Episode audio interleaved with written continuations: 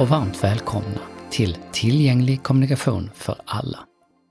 Det här är en helt ny podd och i fem avsnitt ska vi kika närmare på en av våra riktigt stora samhällsfrågor. Frågan om hörsel och tillgänglighet. Jag som pratar, jag heter Anders Milner och tillsammans med en rad gäster så ska jag bland annat kika närmare på de fem största bristerna på området, det vill säga vad vi kan identifiera som står i vägen för att skapa ett samhälle som är tillgängligt för alla. Men vi kommer också att prata om hur AI minskar utanförskap, om teknikens roll för ett hörselsmart samhälle, om vad problemet egentligen är och hur man tänker annorlunda kring hjälpmedel. Vårt fokus är som ni förstår hörselproblematik. Och bara för att ge en kort bakgrund. Över en och en halv miljon människor i Sverige har någon grad av hörselnedsättning. Det är 18 procent av den vuxna befolkningen. Och en hörselnedsättning, ja, det anses man ha om man antingen använder hörapparat eller har svårt att höra vad som sägs i ett samtal mellan flera personer. Vi har en klart stigande kurva med ålder, det vill säga fler äldre har nedsatt hörsel och som mest ökade från 55 år och uppåt. Av den grupp på en och en halv miljon som har en hörselnedsättning är det bara en halv miljon som har hörapparat. En promille är döva sedan födsel eller tidig barndom och det innebär ungefär 10 000 människor. Men statistiken här utgår ifrån det medicinska begreppet dövhet, inte det ord som beskriver en identitet. Sveriges Dövas Riksförbund uttrycker det så här, att vara döv, det handlar om känslan av tillhörighet i en kulturell och språklig minoritet, där teckenspråk är en viktig del av gemenskapen. Och det finns ingen bekräftad statistik för hur många som identifierar sig som döva. Så återigen, varmt välkomna till podden Tillgänglig kommunikation för alla. Idag så ska vi lyfta en av de stora bristerna för tillgänglighet i samhället. Och ett väldigt stort problem här, det är den allmänna okunskapen. Jag säger välkommen till Gunilla Karlsson, välfärdsingenjör och senior tillgänglighetsexpert på ett bolag som heter Lidol som säljer hjälpmedel för hörselskadade, döva och dövblinda. Hej Gunilla! Hej! Välkommen! Du växte upp med döva föräldrar och det har lett till ett stort engagemang för dig. Du var med och startade en förening för hörande barn till döva och sedan en månad tillbaka är du med i styrelsen för CODA International, där CODA står för Children of Deaf Adults. Gunilla, tror du att hörande förstår vad det innebär att vara döv? Det tror jag inte och Eh, jag tror, nej, Nej, kan jag säga. Och det tror jag inte att, det, det, förstår jag inte ens själv riktigt trots att jag är uppväxt med döva. Så till fullo förstår inte jag det heller. Dövhet är både ett medicinskt begrepp och ett kulturellt begrepp. För läkare säger det hur mycket du kan höra eh, tal och ljud. Men för den döve är det ofta ett kulturellt begrepp. Kan du förklara det, vad, vad den här eh, skillnaden är för mig Gunilla? Jo, eh, när man eh, läkarområdet är mer inriktade på hörsel och mäta decibel och se det som ett problem om man är döv. Jag minns jag var en gång på en hörcentral och det var när jag var ung och ville jobba lite inom området och så sa jag att jag hade döva föräldrar. Jaha, då hör de inte alls då. Jo då, min eh, mamma kan höra om det är lite grann och pappa kan höra om det smäller och sånt där. Ja, men då är de ju inte döva då, så de och jag fick lite, det blev lite krock där. Och då först lärde jag mig tidigt just den här klyftan då. Um, så. Och, och det här måste ju få, få en stor betydelse i samhället, att, att den klyftan finns. Ja, och ja, för, för döva är ju eh, döva som är i ett sammanhang där andra är döva eller där alla är teckenspråkiga i rätt sammanhang, då uppfattar man ju inte det här som ett problem. Det här döv, det är ju en kultur. Och mm. som barn till döv så växer man ju förhoppningsvis in i den kulturen och man får lov att vara i den. Och om hans föräldrar har fått teckenspråket så, så blir man en del av den kulturen. Och det vet nog inte så många. Det finns inte jättemycket förståelse för det här tror jag och eh, lite forskning finns det också. Den mesta forskningen som finns idag är inom just eh, hörapparatsområdet, den här hörs medicinska delen, att mildra det här att man hör dåligt. Mm. Och vi pratar alltså här idag om den allmänna okunskapen om hörselnedsättning och dövhet. Gunilla, vilken betydelse har teckenspråkets status i det här sammanhanget? Och vilken status har egentligen teckenspråk idag?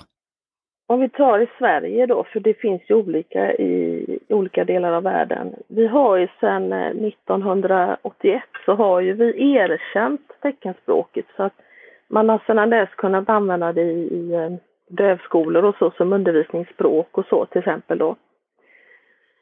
Ehm, och det var en jättestor sak.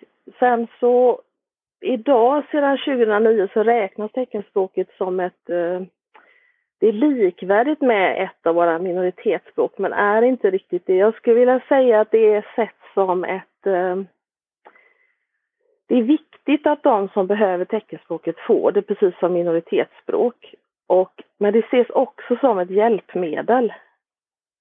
Så att det som har hänt som jag ser de senaste tio åren kanske är att det är mer och mer, blivit mer och mer populärt att använda teckenspråket som ett hjälpmedel även bland andra grupper. Som personer med intellektuella funktionsnedsättningar och så.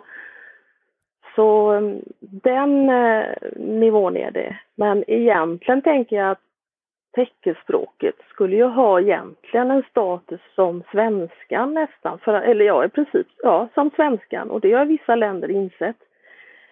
För att eh, om en person till exempel som är same, har ett, en person som har ett minoritetsspråk i Sverige idag, om man är same eller pratar finska eller så, då eh, den kan ju också bli döv. Och då när man blir döv, inte har hörsel, Eh, så, eh, så är det nästan som att man behöver komma in till ett annat land och vara i den här kulturen där man kan vara, vara sig själv och vila i sitt språk. Och sen finns det ju en massa praktiska eh, problem som stöter upp på vägen. Jag vet att när vi pratade innan så berättade du om problem med sjukvården till exempel, att, att eh, där man inte kanske ringer tolk för att man eh, verkar tänka på vad det skulle kosta om man tog in en tolk. Kan, du berätta om det? Ja, det här varierar lite, mellan olika regioner finns det olika regler, men det jag har varit med om är att eh, jag tar exempelvis akuten, när man kommer till akuten. Dels finns det en tanke om att det är dyrt, för språktolkning kostar pengar. Däremot teckenspråkstolk kostar inte pengar för, för regionen då. Men det vet man inte om. Så att man väntar in i det längsta och beställer. Men man skulle aldrig erkänna att det är det som är anledningen till att man inte beställer. Men det är min uppfattning att så är det. Men sen finns det också den här okunskapen, den stora okunskapen att förstå för vem är tolken till? Man tänker, ja vänta lite, vi beställer tolk när läkaren kommer. Men det är inte för läkarens skull tolken är det är för den här patientens skull. Då. Mm. Så um, det där är ett jätteproblem. Är det lite tabu att prata om hörselskador eller hörselnedsättning i, i samhället? Eh, det är ju fortfarande tabu, tabu. Jag tror att det håller på att ändra sig. Eh, men eh, visst är det ehm, det. Jag, läste en artikel i somras från Svenska Dagbladet, en, debattartikel i alla fall, som, ehm, där det var en, hon som var krönikör, skrev att eh, hon hade fått hörapparat och berättat det för sina väninnor. Och det, det var nästan som om jorden hade gått under. Hon undrade hur kan du och det ska jag aldrig ha och sådär. Men hon tyckte det var konstigt för det är ju inte konstigare att ha en hörapparat än att man har glasögon när man ser dåligt. Mm. Men tabut Eh, det är ju gammalt eh, och det lever kvar. Och det måste ju få stora konsekvenser. Ja. Att det finns där. Ja, o oh ja. Att eh, det gör ju, vi har ju, det är ju över en och en halv miljon hörselskadade i Sverige idag. Mm. Och hade det inte varit tabu så hade man naturligtvis pratat mer om detta och det här, man hade anpassat eh, samhället bättre efter detta. Mm. Och det är lätt att glömma bort gruppen och vi har ett sådant exempel här. Vi har varit igenom snart två år av pandemi. Och många av de digitala redskapen vi har använt under isoleringen har varit eh, lysande eh, för hörande personer. Eh, men inte för hörselskadade, eller hur? Nej, nej det stämmer. Det stämmer. Jag var på en workshop där en av de här stora, en av de största leverantörerna av mm, läkemedel, distansläke, läke, lä, distansvård var med.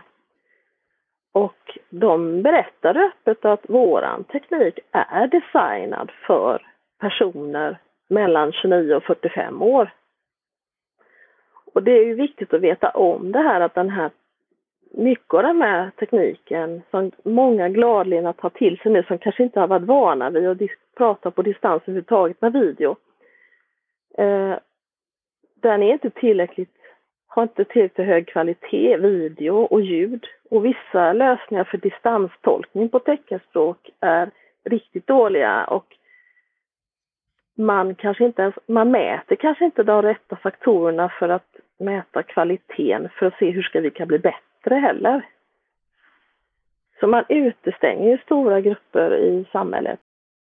Vi kan inte bygga eh, välfärdslösningar eller sjukvårdslösningar som bara funkar för fullt friska människor mellan 29 och 45 år. Det, det går ju inte.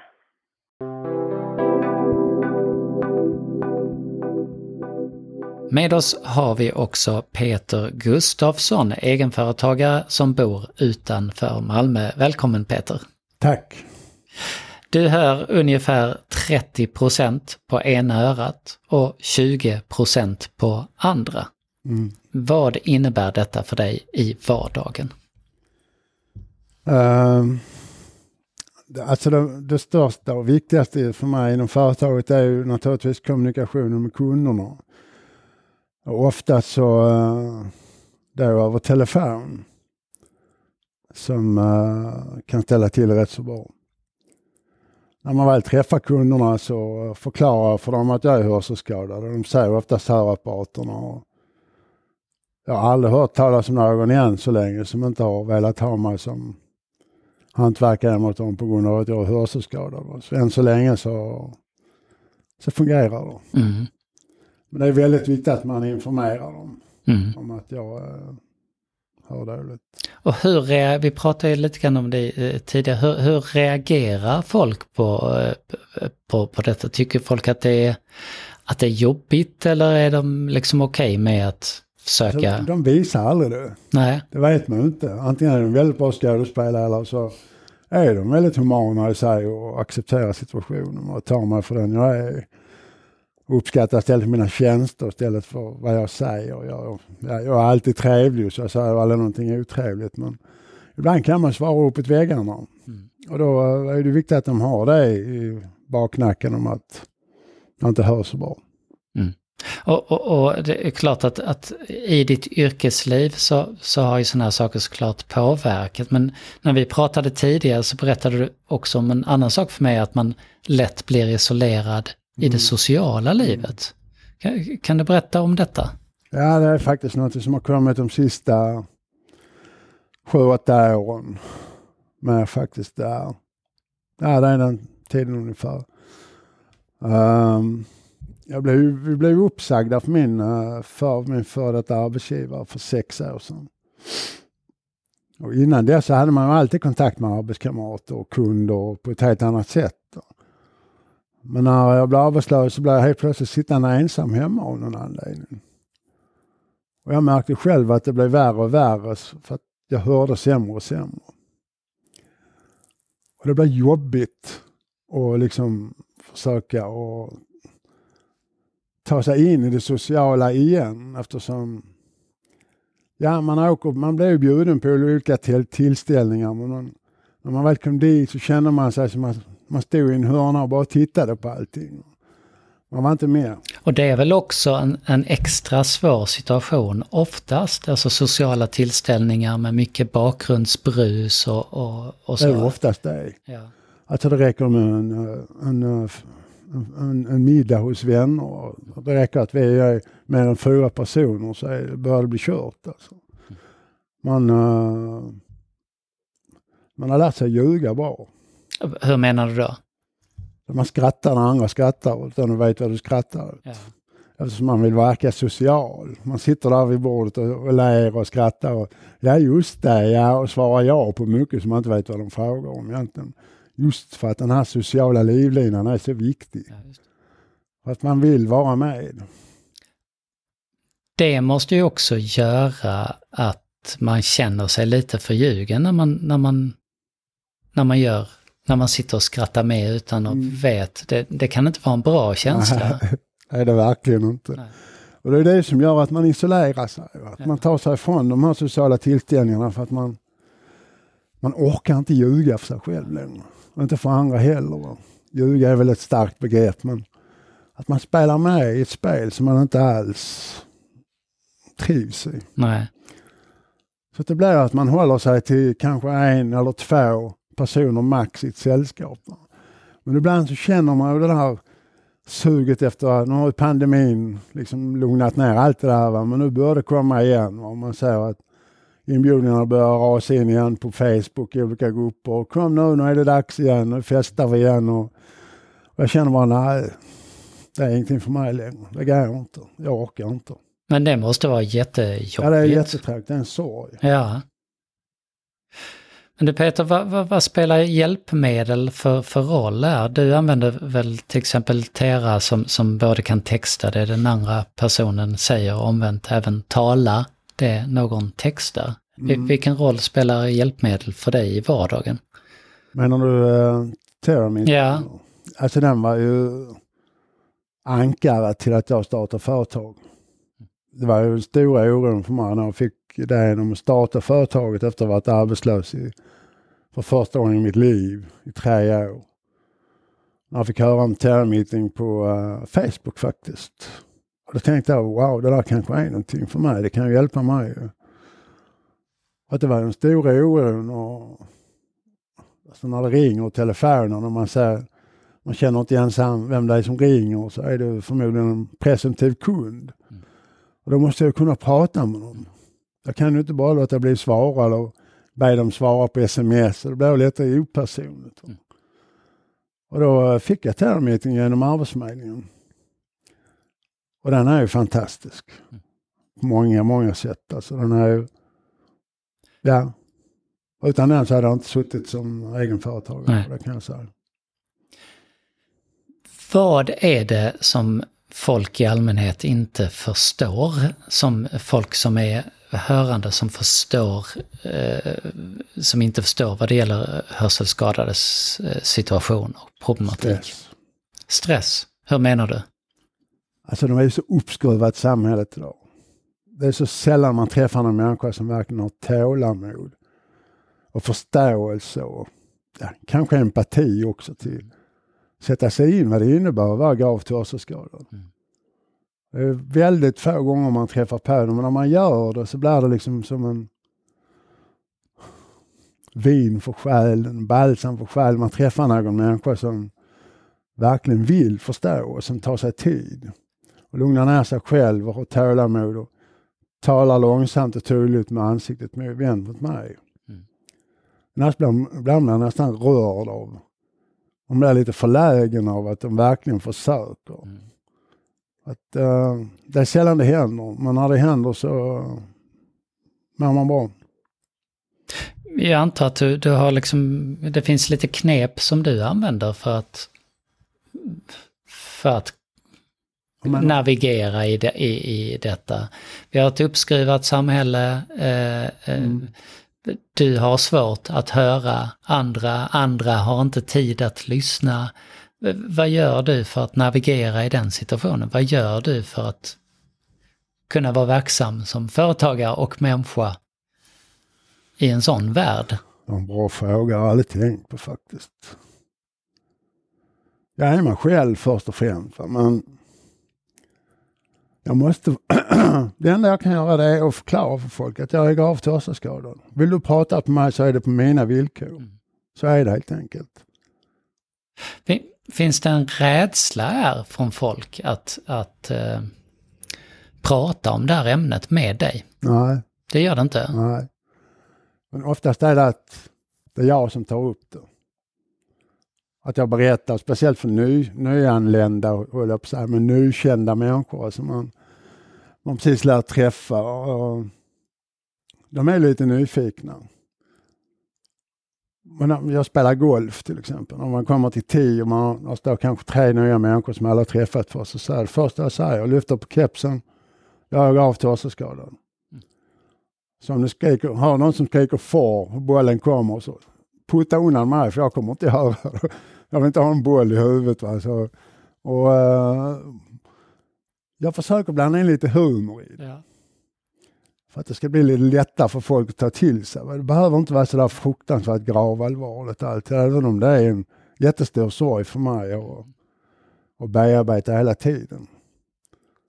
Och I nio fall av tio så förstår folk det. De tar mig för vilken människa som helst. Men jag tänker att när jag hör dig, att din inställning här spelar väldigt stor roll mm. för dina möjligheter. Oh ja. Och då är du kanske, ja men du får ändå jobba för detta. Du får gå in med den här positiva inställningen. Tittarna ser ju inte det men, men eh, jag som sitter mitt emot dig märker ju att du är en väldigt positiv människa mm. liksom. Som ler och glad liksom. Så utstrålar väldigt mycket positivt. Men du får ändå lägga ner energi på detta. Verkligen. Peter. Och det är inte alla som är sådana.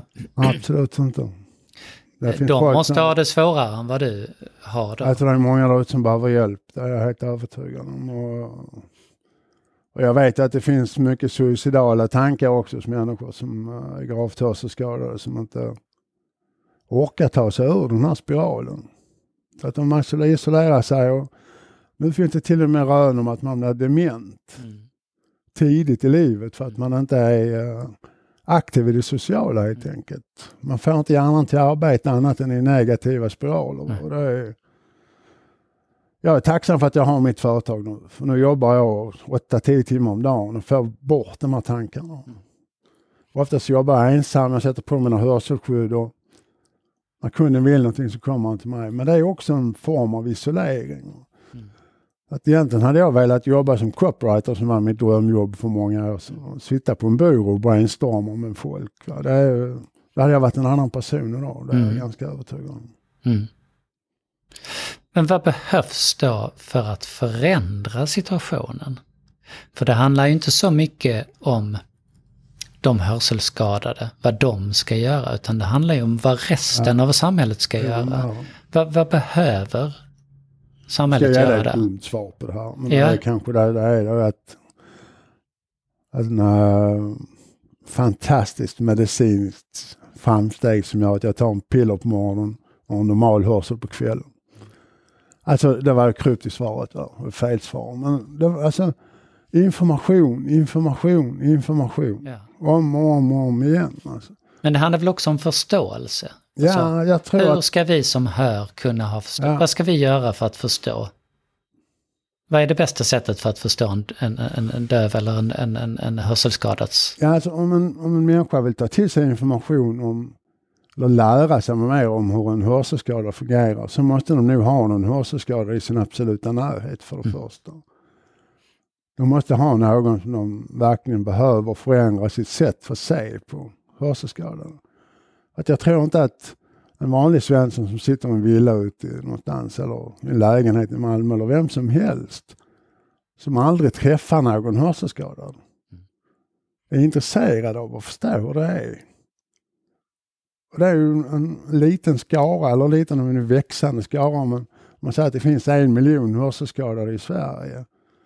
Och alla där har kanske fem, sex personer i sin direkta närhet så är du helt plötsligt 5-6 miljoner människor som, mm. som någon har form av kontakt av en hörselskada. Så att egentligen borde det här talet vara ganska stort av förståelse. Mm. Men ändå så möter man många gånger mm. människor som inte alls de frågar jättemånga frågor om hur det är. Man måste informera och informera. Ibland har jag tänkt att hänga en skylt på halsen liksom, när det står så här ska du göra när du pratar med mig. Men... Många som, som eh, är rörelsehindrade, de brukar ju säga till exempel, ja men eh, sätt dig i en rullstol i två, tre dagar. Det är mm. först då du förstår hur, vad du måste göra för att förändra din omgivning för att, för att göra den tillgänglig. Mm. Eh, kan man tänka sig ett liknande råd för eh, hörselskadade? Att, att eh, eh sätta i öronproppar i två dygn och skulle det bidra till förståelse? Ja. Behöver vi den sortens upplevelser tror du? Ja. Vi som hör? Egentligen så skulle det ha varit en idé faktiskt. Min son han gjorde sånt experiment en gång där hemma. Han ville förstå hur jag hörde. Men det är svårt att liksom få den exakta nivån, men på ett ungefär. Vad sa, gick, vad sa han efter detta? Ja, han tyckte det var, det var inte klokt. Hur klarar du det? Hur orkar du? Nu var han uppe i vuxen ålder när vi gjorde det. Var, han är ju musiker. Så han är ju väldigt eh, uh, mån om sin hörsel. Men visst, det hade varit ett fantastiskt exempel om vi kunde gått ut idag. Har vi en hörselskadads dag. Alla ska bära öronproppar hela dagen. Ingen får ta av dem. Då får ni böter eller någonting. Det är klart, det är... Eh, uh, det hade nog väckt en förståelse en viss tid i varje fall. Och Gunilla, vad säger du? Hur kan vi skapa ett mer inkluderande samhälle? Jag tänker att vi måste bli bättre på att lyssna eller syssna, som döva säger, på, på varandra. Ehm, och även då på döva och hörselskadade som vi pratade om nu då. Eh, och vi behöver bli duktigare på att identifiera de verkliga problemen som behöver lösas och förstå de krav som eh, användarna verkligen har. Och vad är det för lösningar som leder oss framåt? Jag brukar säga att eh, om man gör lösningar som fungerar för extremanvändare, ta till exempel en dövblind. Gör en lösning som fungerar för en dövblind, då får du en lösning som fungerar för de flesta sen. Själv jobbar jag ju mycket med eh, i Lidol med telefoni just och där är det viktigt att tänka på att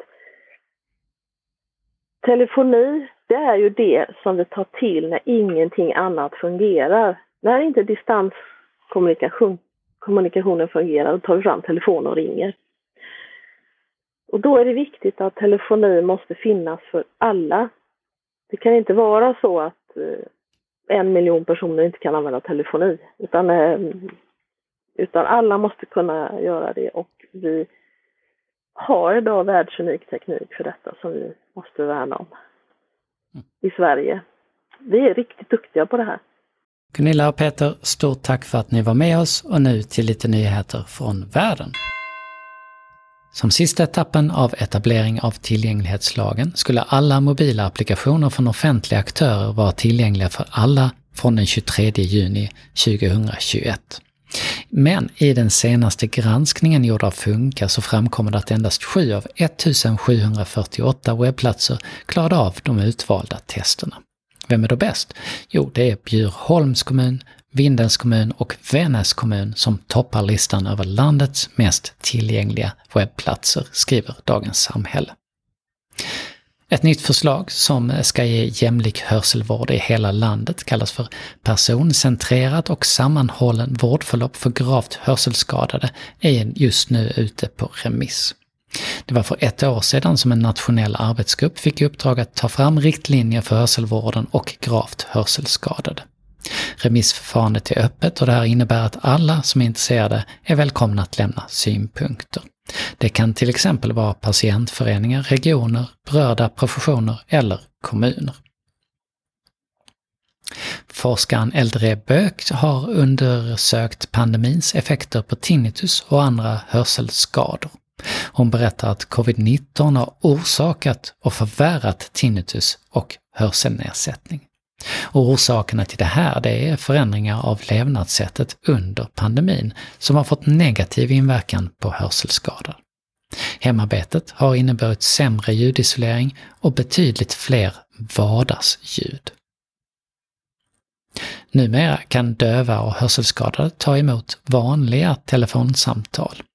AI-lösningen Tera eh, revolutionerar tillgänglighetsråden genom att förena den traditionella telefonin med den moderna AI-tekniken.